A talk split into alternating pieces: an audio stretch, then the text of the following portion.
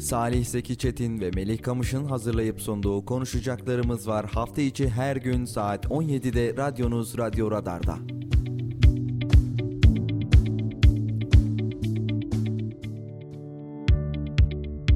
Salih Zeki Çetin ve Melih Kamış'ın sunduğu konuşacaklarımız var başlıyor.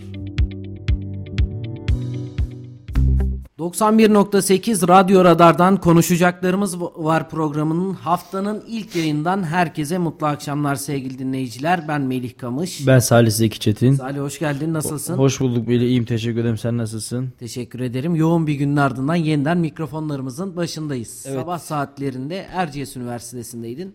İstersen bu programla yayınımıza başlayalım. Evet e, tabii Erciyes Üniversitesi'nde hakikaten çok anlamlı bir program gerçekleştirildi. E, Türkiye ve Azerbaycan'ın ortak olarak düzenlediği bu program Kayseri ev sahipliğinde Erciyes Üniversitesi ve e, Azerbaycan'da bir üniversite tarafından düzenlendi. Önceki dönem Milli Savunma Bakanımız Hulusi Akar ve AK Partili heyet e, bunun yanında Azerbaycan Büyükelçisi katıldı. Tabii orada Büyükelçinin yapmış olduğu konuşma çok anlamlıydı, çok nitelikliydi. Çok bence e, dinleyenlerin, anlayanların ve hissedenlerin e, yoğun milli duygular içerisine girdiği bir konuşmaydı ki e, orada aslında bizler iki devlet olsak da tek milletiz. İşte Türkiye'nin nüfusu 85 milyon, Azerbaycan'ın nüfusu 10 milyona hesaba katarsak Türkiye'nin nüfusu 95 milyon. Azerbaycan'ın 10 milyonluk nüfusu da aslında 95 milyon. Bizim ayrı gayrımız yok. Sizin paranız bizim paramız, sizin kazancınız bizim kazancımız, sizin milletiniz bizim milletimiz dedi. Ee, ve çok orada aslında önemli bir şeye vurgu yaptı. Sayın Cumhurbaşkanı ile yapmış olduğu görüşmede Cumhurbaşkanı Recep Tayyip Erdoğan'ın e, Azerbaycan Büyükelçisini kendi ekibine göstererek e, siyasi sırrımız yok, kapalı kapımız yok, Azerbaycan'dan ayrı bir parçamız yok şeklinde bir talimat verdiğini bizlere iletti ve e, ben dedi ana vatanda kendi vatanında büyükelçilik yapan bir insanım dedi. Keyifli bir programdı. Orada Türkiye ve Azerbaycan ilişkileri tekrar masaya yatırıldı, konuşuldu. Karabağ Savaşı'ndaki Türkiye'nin rolü anlatıldı. E, çok da güzel bir video hazırlamışlar. İşte 1918'e dönüyor ve orada Azerbaycan'da gazeteler dağıtılıyor. İşte Gazi Mustafa Kemal ve arkadaşları, Büyük Önder Mustafa Kemal ve arkadaşları Türkiye Cumhuriyeti'ni kurdu. İşte yurt düşmanı yurttan attığı gibi bir e, gazete haberi ve Azerbaycan'da Bakü'de nasıl bir coşkuyla karşılandığını anlatan bir film hazırlamışlar ve hemen akabinde 2022 yılına dönüyor. E, Karabağ ve orada o meşhur e, neredesin Paşiyan diyor Aliyev, İlham Aliyev ve e, Karabağ artık Azerbaycan toprağıdır diyor. Orada da yine Türkiye'de nasıl coşkuyla karşılandığı bu haberin e, devamında videonun anlatılmış. Yani bizler aslında ayrılmaz bir bütünün parçasıyız.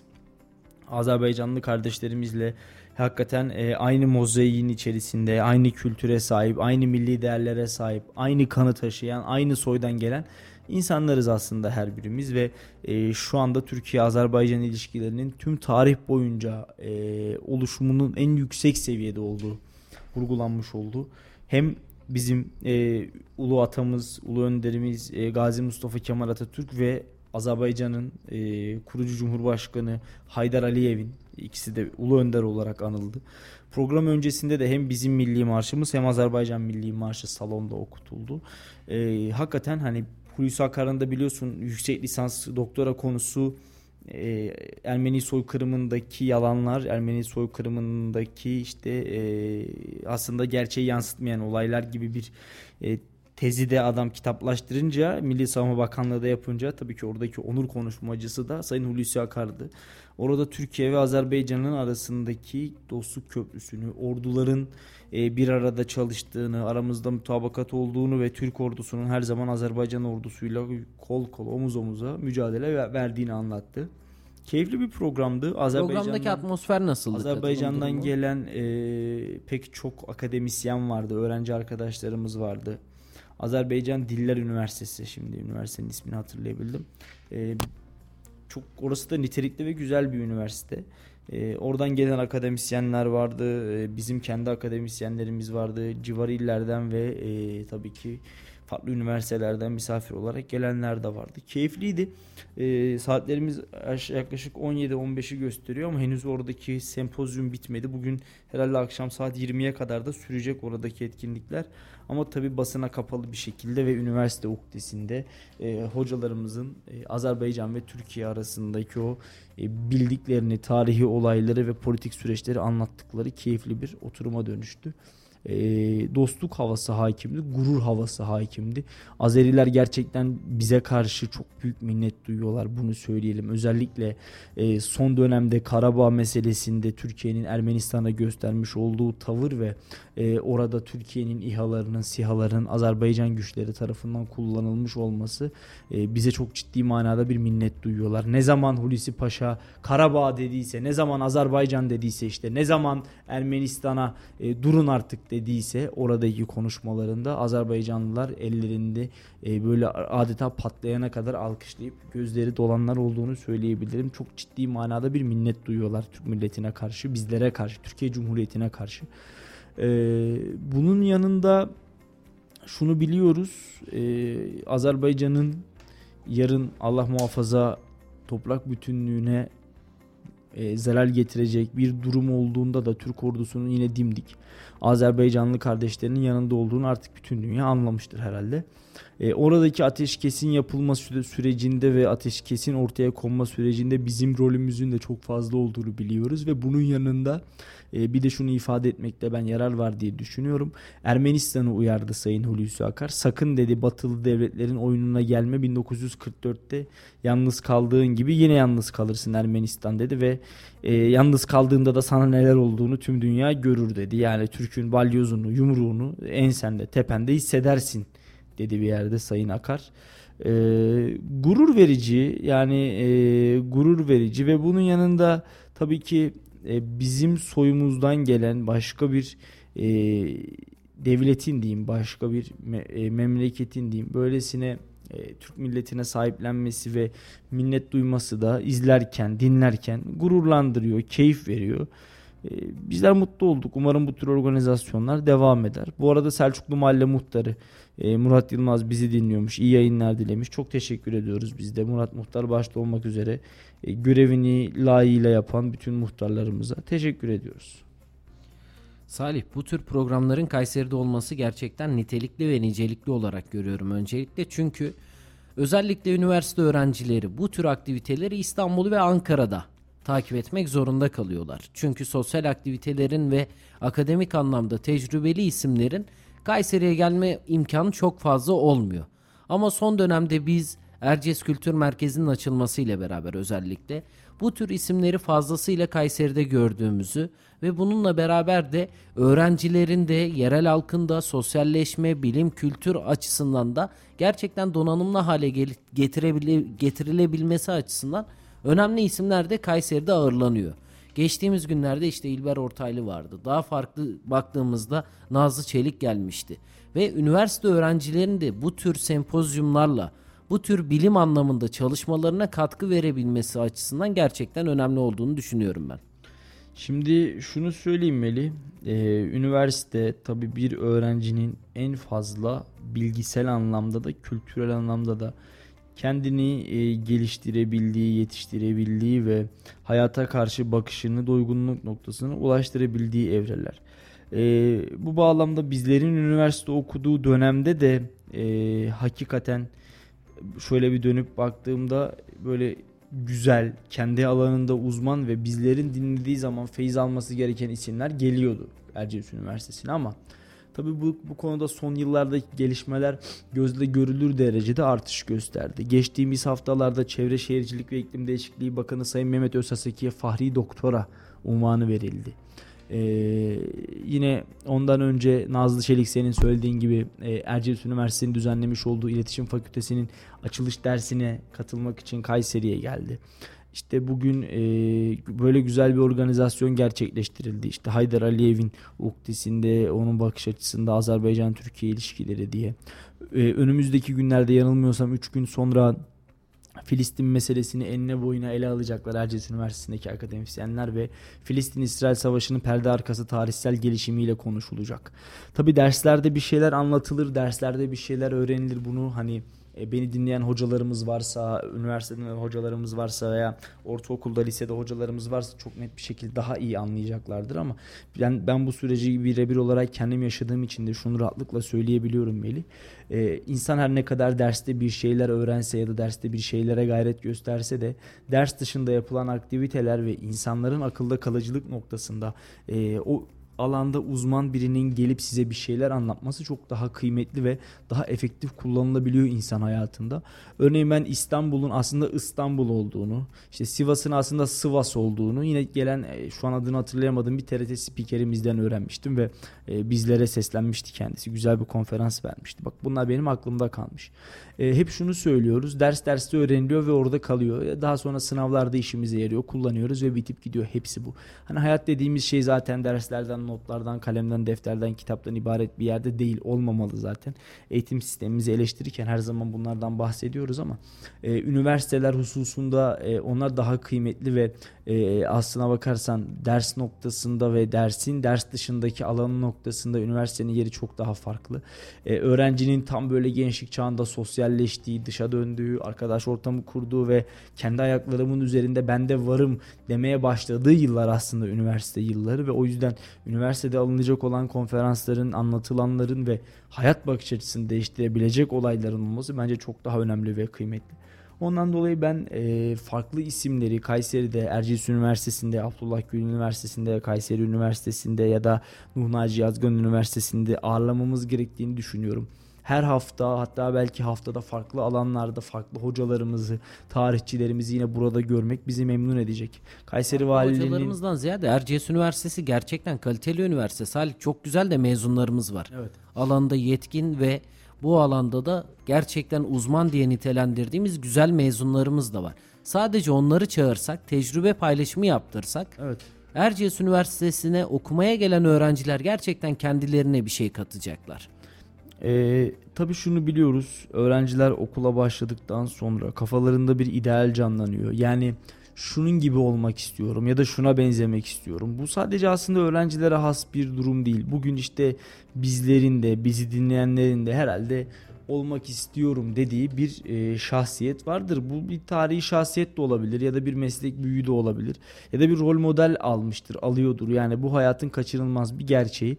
E, alanında bir şeyler başarmış insanları da sahnede görmek birincisi öğrenci arkadaşlarımızı motive eder. Çünkü şunun gibi olmak istiyorum çünkü hani o çünkünün arkasını o noktalı virgülden gelen ya da virgülden sonra gelen o çünkünün arkasını daha net bir şekilde doldurabiliriz. Daha nitelikli bir şekilde doldurabiliriz. Yine bunun yanında şunu e, bu mesleği yapmış ya da yapacak olan insanlara bakın önünüzde böyle bir örnek varı gösterebilmek bence hepimiz için güzel bir çıkarım diye düşünüyorum. Yani e, bugün baktığımız zaman bir insana doğru örnekleri, güzel örnekleri vermek, anlatmak ve bu örneklerin içerisinde de bakın arkadaşlar yaparsak böyle olur, başarırsak şöyle olur, okursak bunu biz de yapabilirizin mesajını daha net bir şekilde veremeyiz diye düşünüyorum. Çünkü e, gördüğümüz, bildiğimiz, duyduğumuz ve hissettiğimiz şeyler hayatın bize getirdikleri. İşte ne dedik az önce? Nazlı Çelik, ne dedik az önce? İşte İlham Aliyev, Tayyip Erdoğan, Mehmet Özaseki, Hulusi Akar. Hani bir şeyler başarmış ve toplumda ciddi manada bir yer sahibi edinmiş bu isimleri görmek, duymak, dinlemek, bir hatıra fotoğrafı çektirmek ya da onunla aynı ortamda e, aynı havayı solumak bile belki bir insanı psikolojik anlamda veya işte motivasyon anlamında etkileyebilir diye düşünüyorum ki e, bunun sonuçlarını da önümüzdeki süreçte daha net göreceğiz. Erciyes Üniversitesi her yıl başarısını gitgide arttıran ve e, dünyada gerçekten sayılı üniversitelerin arasına girmiş.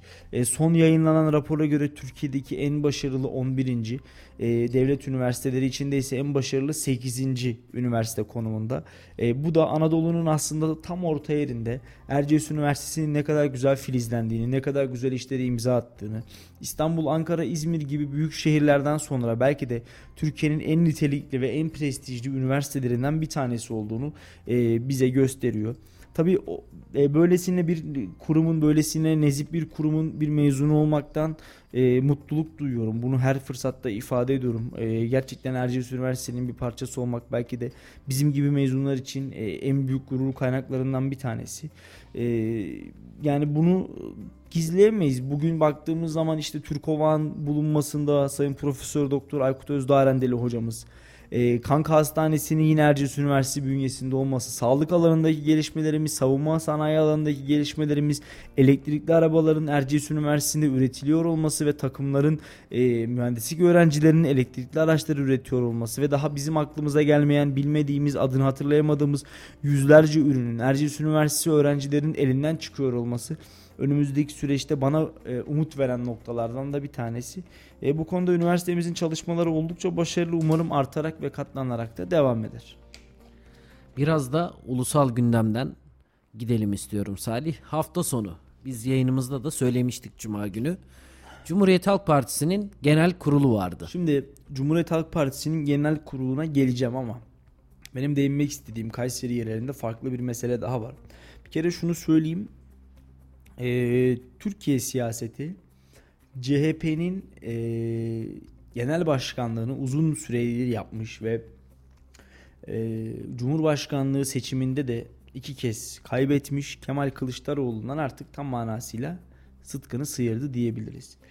E, ben bunu söylerken e, Cumhuriyet Halk Partisi'ni destekleyen, oy veren, gönül veren ya da işte Cumhuriyet Halk Partisi kazansın diyen biri olarak söylemiyorum. Sözüm lütfen yanlış anlaşılmasın. Ben e, hatırlayacak olursanız seçim döneminde yaptığımız yayınlarda da Türk siyasetinin kabuk değiştirmesi gerektiğini, genel başkanların, genel başkan yardımcılarının, milletvekillerinin, belediye başkanlarının, e, ilçe belediye başkanlarının, il yönetimlerinin, ilçe yönetimlerinin değişmesi gerektiğini, siyasetin kabuk değiştiren bu dünyada artık eski düzeniyle ilerlememesi gerektiği kanaatindeydim. Fakat işte e, güzel bir sözün var. Onu da söylemek istiyorum. Tabii. Genç dostu başkanlar değil, genç başkanlar, genç başkanlar istiyoruz. istiyoruz. Oraya geleceğim. Biraz sonra da oraya değineceğim Melih. Gerçekten genç dostu başkanlar değil, artık genç başkanlar istiyoruz. Bunu söyleyelim.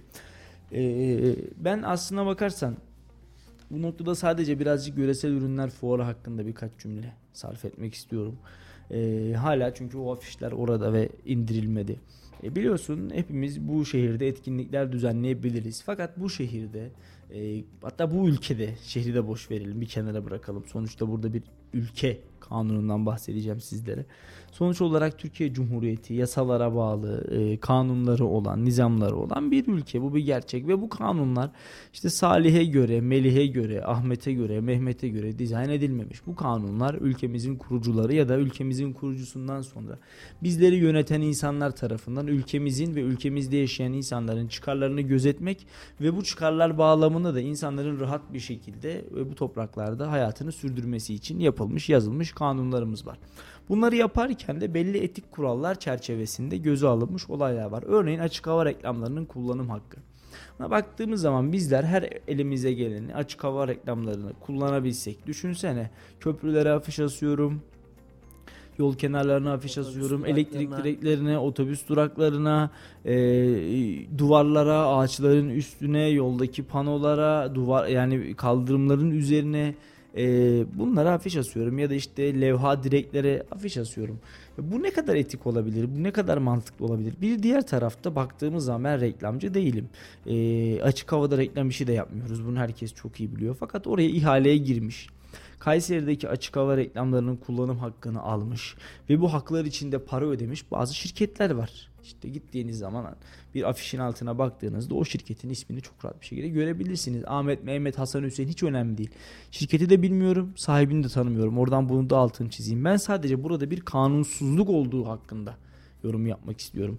Ee, şimdi bu insanlar para vermişler ve bu açık hava reklamlarının kullanım hakkını kendi bünyelerinde barındırmışlar. Sonuç olarak oraya bir e, bedel ödenmiş, ihaleye girilmiş filan filan neyse. Sonra biri çıkıyor diyor ki e, bizler diyor trafik levhalarının olduğu direklere afiş asacağız diyor ve afişler asılıyor. Sonra belediye o afişlere cezai işlem uyguluyor. Fakat afişlerdeki O ibareler kaldırılmıyor. Şimdi hepimiz araç kullanıyoruz. Hepimiz trafikte bir şekilde seyir halindeyiz ki bizler radyo işi yapıyoruz. Yani herhalde en çok dinlenildiğimiz, en çok bizim şu anda sesimizin ulaştığı yerler sizin araçlarınızın radyolarıdır diye düşünüyorum. E, trafik yön işaretlerine baktığımız zaman gayet sade ve şık bir görünümün olması gerekiyor ki dikkatimiz dağılmasın. E, trafikte farklı bir yöne yönelmeyelim ve o trafik levhasında ne yazıyorsa bizler o trafik levhasının şekline şemaline uyalım yolumuza bakalım kaza olmasın. Fakat çıkıyor bir tane kurum kuruluş her ne dersek adına gidiyor afişlere direklere afiş asıyor. Ve bunu yaparken de belediye bu afişleri kaldırmıyor. Şimdi ben şayet açık hava reklamlarına girmiş ve oradan ihale almış ve oradan geçimimi sağlayan bir firma olsam ben şunu sorarım. Madem buralara afiş asılabiliyordu biz bu ihaleye niye girdik? Öyle ya. Herkes zaten istediği yere madem asabiliyor. Şimdi toplatılmayan afişler var ortada. Yaklaşık bir haftadır toplatılmayan afişler var. Belediye ceza işlem uyguladık diyor 8500 lira. İnsan hayatından bir aracın bir şoförün dikkatinin dağılıp orada kaza yapmasından daha mı kıymetsiz 8500 lira? İyi 8500 liraya veren herkes trafik levhalarının altına istediği afişi asabiliyor mu? Ben bunu da sormak istiyorum. Ee, kanunsuz bir iş, kanunsuz bir işlem var ortada. Bunu söyleyeyim. Ee, bunun da giderilmesi gerektiğini düşünüyorum. Salih insan canı tabii ki önemli ama bu afişleri gördüğümüzde ve söylediğimiz şey bizim kanunsuz bir işlem var. Yani biz tabelalara, levhaların altına, trafik ışıklarının üstüne yani bu tür afişleri asarken ne kadar legal olup illegal olduğunu sorgulamamız gerekiyor. En azından bir vatandaş olarak. Şimdi fuar başladı. Yol üzerindeki güzergahlarda, farklı mahallelerin içlerindeki trafik levhalarında sıklıkla görüyoruz. Evet. Belediyeye aynı şey sorulduğunda cezai işlem uygulandı. Ne kadar? 8500 lira. Hukuksuz bir işlem olmasa ceza yazılmaz. Ceza yazıldıysa afişler toplatılır. Toplatılır. Ama şu an baktığımızda afişler yerinde duruyor mu? Duruyor. Duruyor. Yani burada iki unsurla karşı karşıyayız. Demek ki hukuksuz olan bir şey var ki cezai işlem uygulandı. Cezai işlem uygulandıysa afişler hala neden orada duruyor? Şimdi eee tabi belediyemiz diğer fuarlarda da işte mobilya ve kitap fuarında da e, bu tür çalışmaların yapıldığını söylemiş, dile getirmiş. E, bizler fuarı ve ticari amaç güden günleri birbirinden ayırmamız gerekiyor. Bu bir gerçek. Yani işte e, yöresel ürünler günleri ya da yöresel işte lezzet günleri gibi ya da farklı bir şey de olabilir. Hiç önemli değil. İşte örnek veriyorum. e, Dünya Ticaret Merkezi kiralanmıştır ve orada işte e, masa günleri yaparsın ve masa satarsın. Şimdi fuarlarda satış olmaz. Yani atıyorum mobilya fuarı. Tanıtım odaklı. Tanıtım, tanıtım Ya da odaklı. Şehir bu şehirde yapılacaksa şehrin ekonomisine katkı sağlayacak. Aynen öyle. Ee, ama dediğim gibi Türk kanununda, anayasamızda veya kanunlarımızda yazmayan, mantıkla örtüşmeyen ve bazen yeri geldiğinde trafiği tehlikeye atabilecek bu afişler. Sadece bizim tanıdığımız, bizim ahbabımız, bizim eşimiz, dostumuz ya da e, bizim iş yaptığımız bir isim olduğu için sessiz kalınıp örtbas edilmemelidir. Eğer bunu ben yapıyorsam şayet şahsım olarak veya Melih sen yapıyorsan arkadaşım olarak bunlara da aslında dur demek, dur diyebilmek gerekiyor. E, çünkü bu ülke eşinden, dostundan, akrabasından, dayısının oğlundan, halasının kuzeninden, iş ortağından, e, ahbabından, oturup kalktığı bağ arkadaşından zarar gören insanlarla dolu. Ve yönetmiş olduğumuz kurumlar, yönetmiş olduğumuz e, belediyeler bizim kendi malımız değil. Bu şehirdeki her bir kuruş hepimizin hakkı bulunan rakamlar. Hepimizin o paralarda hakkı var ve sadece bizlerin de değil. İşte Kayseri'de yüzü aşkın şehit var. Yüzü aşkın şehit evladı var. Hani hep böyle ağzımız dolu dolu yeri geldiğinde o çocuklar emanetimiz falan diyoruz ya. İşte o tüy bitmemiş yetimlerin bu paralarda, bu yollarda, bu parklarda, bu bahçelerde hakkı var. Ve sizler sadece kendinizden olduğunuz için kendinizden olduğu için bir şeyleri gözetme e, görmezden gelirseniz, bir şeylere gözünüzü kapatmaya çalışırsanız ve kanunsuz olan bu işlemleri sadece afiş asmak için söylemiyorum. Zaman zaman bu tür hadiselere denk geliyoruz. Bu tür işlemlere göz yumup tamam ya ne olacaksa bu sefer de bizden olsun bakış açısına bürünürseniz yanlış anlamayın. Bu şehir yarın ahiret günü geldiğinde o tüye bitmemiş yetim de ben de hepimiz de şehrin hakkını, hukukunu, parasını savunuruz, savunacağız zaten. Ben yine söylüyorum. Genç dostu başkanlar. Yani bana bu çok samimi gelen bir cümle değil.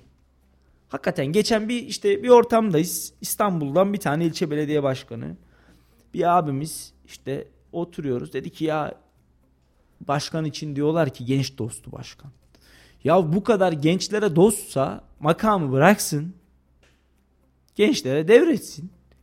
Çünkü gence dost böyle olunur. Yani belli bir yaşın üstünde yanlış anlamayın. Ev satmak, evini satmak istese kişi noter sağlık raporu istiyor. Ama bizler milletvekili seçerken, belediye başkanı, yönetici seçerken ha bunları göz önünde bulundurmuyoruz, bulundurmamız gerekiyor. Bana kalırsa. Yoksa bunun ceremesini uzun yıllar daha hep birlikte çekeceğiz. Senin oğlun, benim kızım, onun damadı, şunun torunu, beraber iş yaptığımız adam, akrabamız, eşimiz, dostumuz bir yere kadar bir sınır oraya çizilmeli bence. Sen ben bizim oğlanın ötesini hep birlikte geçmeliyiz. Unutmayalım hesap günü var. Unutmayalım ahiret var. Unutmayalım hak var. Unutmayalım adalet var. Hani bu dünyada bu ülkede olmasa da bir yerlerde o adalet var. Ve birçok noktada tesis edilecektir diye düşünüyorum.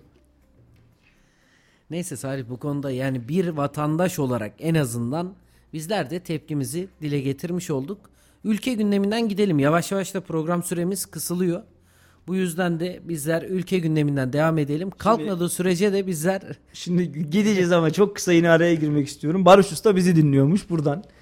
Ee, kendisine selamlarımızı iletiyoruz biz de. Yoldaymış. Hayırlı yolculuklar diliyoruz. Aman ustam dikkatli git. Yolda belde kazasız belasız inşallah diyelim. Bizi dinleyen araç kullanan herkese şu an biz de selamlarımızı iletmiş olalım. Barış Usta bas, başta olmak üzere Evet. bütün dinleyicilere hayırlı yolculuklar dileyelim öncelikle. Gelelim CHP Genel Başkanlığı meselesi. Çünkü ülke açısından da önemli. Biz geçtiğimiz programlarda da acaba ne oldu, ne oluyor, nasıl bir karar çıkacak diye beklediğimiz sonuçlardan bir tanesiydi. Gece saat 3.30 sularında. Valla bir İkinci tur vatandaş olarak e, Kemal Bey'in adaylığı sürecinde de hani ben zaten çok fazla konuşmuştum. Çok fazla şeyler söylemiştim. Çok kısa sadece şuna değinip sözü sana bırakacağım. Tamam is- istediğin kadar sen de söyleyeceksin Mehmetciğim. Şunu söyleyeyim sadece kardeşim.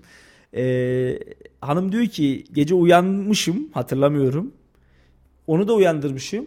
İşte CHP Genel Başkanı değişti. Kemal Kılıçdaroğlu artık siyasette yok deyip geri yatmışım. Düşün ne kadar içime ukde olduysa bu değişim süreci ya da bu ne kadar böyle Türk siyasetindeki bu değişimi destekliyorsam demek ki hayatıma da böyle sirayet etmiş. Sözü de sana bırakayım. Valla Salih ben gece 3.30'a kadar bekledim. Yani kim oluyor, ne olacak acaba diye zaten hem televizyonda hem de sosyal medyada o gün trend topikti. Ardından da baktığımızda ilk turda iki oyla Özgür Özel başkanlığı kaçırdı ve ikinci tura kaldı oylama. Ardından da saat 3.30 sularında 2.30'da sandıklar kapandı. Saat 3 sularında da sayım işlemi tamamlandı. Ardından da divan başkanı Ekrem İmamoğlu'ydu zaten. Çıktı ve Özgür Özel'in başkanlığını açıkladı. Cumhuriyet Halk Partisi'nde kurultayda değişen ilk başkan olma özelliğini ve Cumhuriyet Halk Partisi'nde 8. başkan olma özelliğini taşıyan bir Özgür Özel var.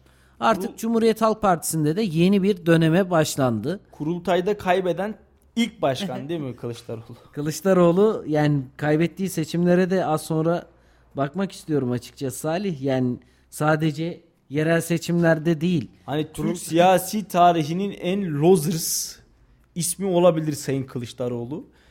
Ee, ben kendisinin yani aday olmaması gerektiği noktasında da zaten çok fazla yayınlarda bunu dile getirmiştim. Ha bunu söylerken de Kemal Bey kötü bir adam mıdır bilemem. Kemal Bey cennetlik midir e, bilemem. Cehenneme mi gidecek bunu da bilemem. Yani Kemal Kılıçdaroğlu babamın oğlu falan değil.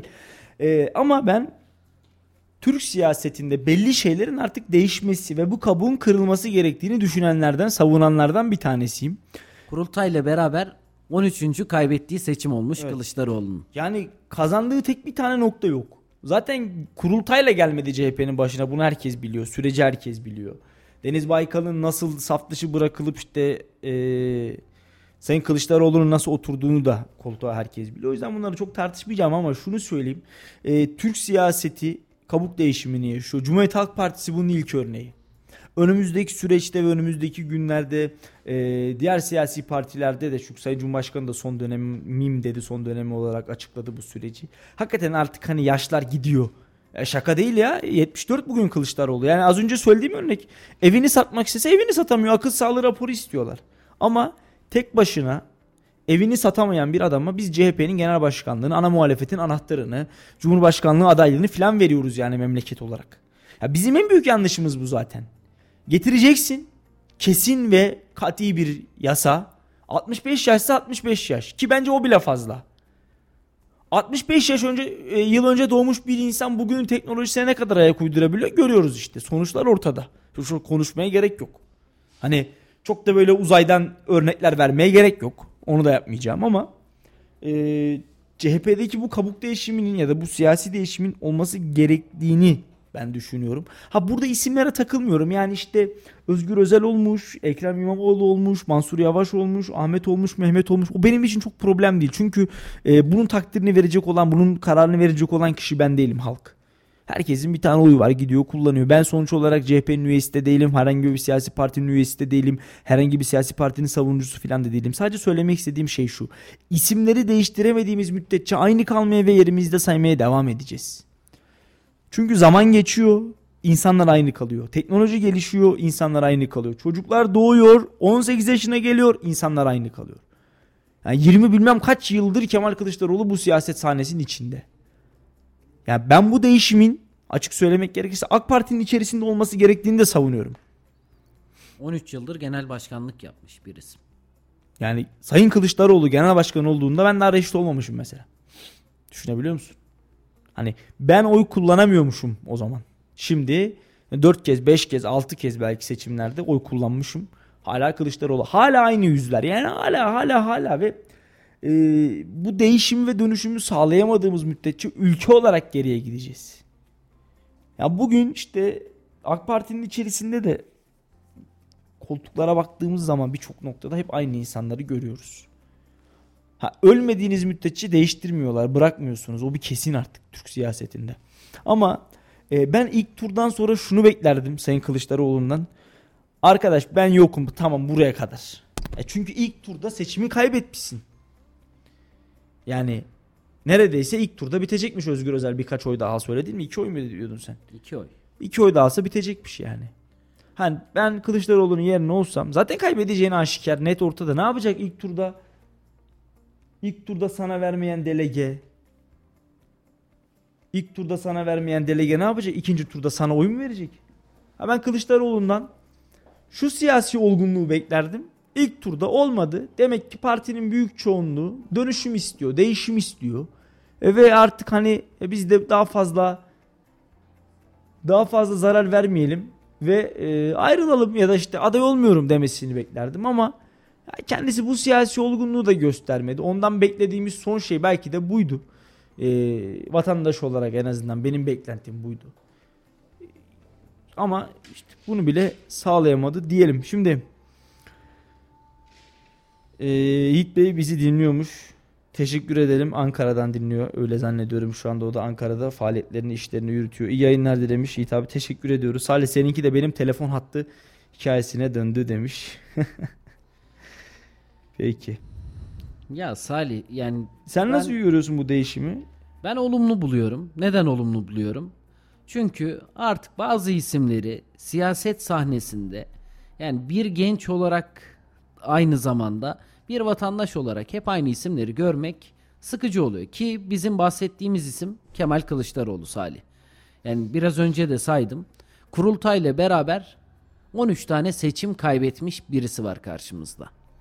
E, bu ülke e, siyasetine de zarar veriyor. Şimdi Biz... bir teknik direktör 13 maç arka arkaya kaybetse takımın başından göndeririz. Hatta bir daha belki de ülke sınırlarına bile sokmak istemeyiz. 13 maç kaybeden bir teknik direktörü. Ama işte 13 seçim kaybediyorsunuz ve Cumhurbaşkanı adayı oluyorsunuz. Onu da kaybediyorsunuz. Parti genel başkanlığına bir daha aday oluyorsunuz. Ve bir daha aday oluyorsunuz ve bir daha aday oluyorsunuz. Yetmiyor. İlk turda kaybediyorsunuz. Bir daha aday oluyorsunuz. Yani kemikleri sızlayan zaten orada yatıyor. Kemiklerini sızlatanlar zaten bak orada yatıyor. Ben anlamadım. Yani bir de şu var. Biz yayınlarımızda seçim döneminde de konuştuk ve hala söylediğimiz şey Salih. Güçlü iktidar güçlü muhalefetle gerçekleşiyor. Evet. İktidarın her şey doğru mu? Olmayabilir. Ama her şey yanlış mı? O da olmayabilir. Biz bugün kutuplaşmanın en yüksek olduğu dönemlerden bir tanesini yaşıyoruz. İktidar bir şey yaptıysa kesinlikle yanlıştır. Yanlış yapılan şeylere karşı beyaza kara, karaya da beyaz demeye alışmış bir e, siyasetimiz var. Böyle olmaması lazım. Yani güzel işler takdir edilmeli. Yanlış bir iş varsa da sonuna kadar karşısında durulmalı. İşte bizde maalesef gri yok ama unutmayalım ki gri'nin pek çok tonu var. Allah söyleyeyim. Şimdi yayınımızın son bölümüne geliyoruz. Ben birazcık şehrimizin temsilcisine Evet. Atıfta bulunarak bitireceğim. Ee, Kayseri Spor evinde 2 saat 15 dakika kaldı. Ee, Korendon Alanya Spor'la oynayacak. Ee, muhtemel 11'leri de istersen açıklanmış onları okuyayım. Kalede Bilal, savunmada Gökhan, Hoseyni, Atamah, Karol, orta alanda Kartal Kayra, Ali Karimi, ileride Boğa Marte, Miguel Cardoso, Carlos Mane ve ileri uçta ise Mehmet Tiam 11 ile çıkması bekleniyor Kayseri Spor'un. E, Janvir sakat ve Olivien Kemen yine e, sakatlar arasında yer alıyor. Oynayıp oynamayacakları maç saati belli olacak. Alanya Spor'a döndüğümüzde ise kalede Ertuğrul, savunmada Hadergona, Furkan, Fatih Yusuf, ortada Janvier, e, Noyas, ileride Carlos Eduardo Efecan Oğuz ve ileri uçta Cordova 11 ile muhtemelen Kayseri Spor deplasmanında olacak Alanya Spor. Ee, şehrimizin temsilcisi haftanın kapanış mücadelesinde 11. hafta maçında e, 7. sırada bulunuyor. Topladığı 16 puanla. E, Alanya Spor ise 10 maçta 2 galibiyet, 4 beraberlik ve 4 mağlubiyetle e, 14. sırada bulunuyor. Alanya Spor'un kötü gidişi devam ediyor. Arka arkaya kayıplar vermeye. Umarım bugün de devam eder. Aynen öyle. Arka arkaya kayıplar vermeye devam ediyorlar. Ligde sadece 2 kez kazanabilmişler. Son 4 maçta ise sadece bir galibiyet alabilmiş Alanya Spor ve Kayseri Spor'a baktığımızda ise son ikilik maçını kazanmış ve Türkiye Kupası'nda da Iğdır Spor'u yenerek son 3 maç 3 resmi maçtan 3 galibiyetle ayrılmış bir Kayseri Spor var. Kasım ayında hiç kaybetmeyen e, bir Kayseri Spor var. En son 7 Ekim'de deplasmanda Ankara gücüne kaybetmişiz. E, Kasım ayında henüz mağlubiyetimiz yok. Hep galibiyetlerle ilerliyoruz. İnşallah bu Alanya Spor mücadelesinden de galip geliriz ve puanımızı 19'a yükselterek 4. Trabzonspor ve 5. Beşiktaş'la aynı puana geliriz. E, umut ediyorum ki 19 puanlı 3 takımdan bir tanesi de Kayseri Spor olur ve yükselişimizi zirve takibimizi Sen bu sezon Kayseri Spor'un gidişini ve bu akşamki maçla ilgili yorumlarını da alalım istersen. Şimdi sadece. zaten e, salı akşamları yani yarın akşam e, uzun uzun Oktay Haluk Doğan ve İlyas Kaplan'la birlikte konuşacağız ama bugün şu kısaca bir değineyim istersen. Çağdaş Hoca'nın gidişinden sonra formsuz başlamış bir Recep Uçar dönemini sürecini hep birlikte gördük. Çok sık eleştirdik Recep Hoca'yı ama e, İlyas Kaplan hep ona bir şans vermemiz gerektiğini, Recep Hoca'nın da e, bir şekilde takımın e, son haline ve takımın kendisine alışacağını ifade etmişti. Ki son 3 maçta da bunun gerçekten yerinde bir bekleyiş olduğunu görüyoruz.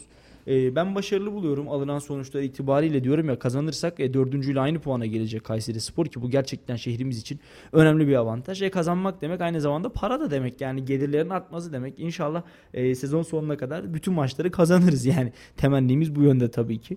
E, Kayseri Spor'un Avrupa'ya önümüzdeki sene git gitmesi, gidebilme ihtimalinin olması bile şehirdeki atmosferi, şehirdeki hırsı, heyecanı değiştiren, güzelleştiren şeyler. Her ne kadar e, maalesef bazı yöneticilerimiz Kayseri Spor'un Avrupa'ya gitmesini, Süper Lig'de olmaması, olmasını ya da işte e, Kayseri Spor'un başarılı bir grafik çizmesini istemese de Kayseri Spor onlara inat daha başarılı günlere gidecektir diyelim. E, sana da teşekkür edelim.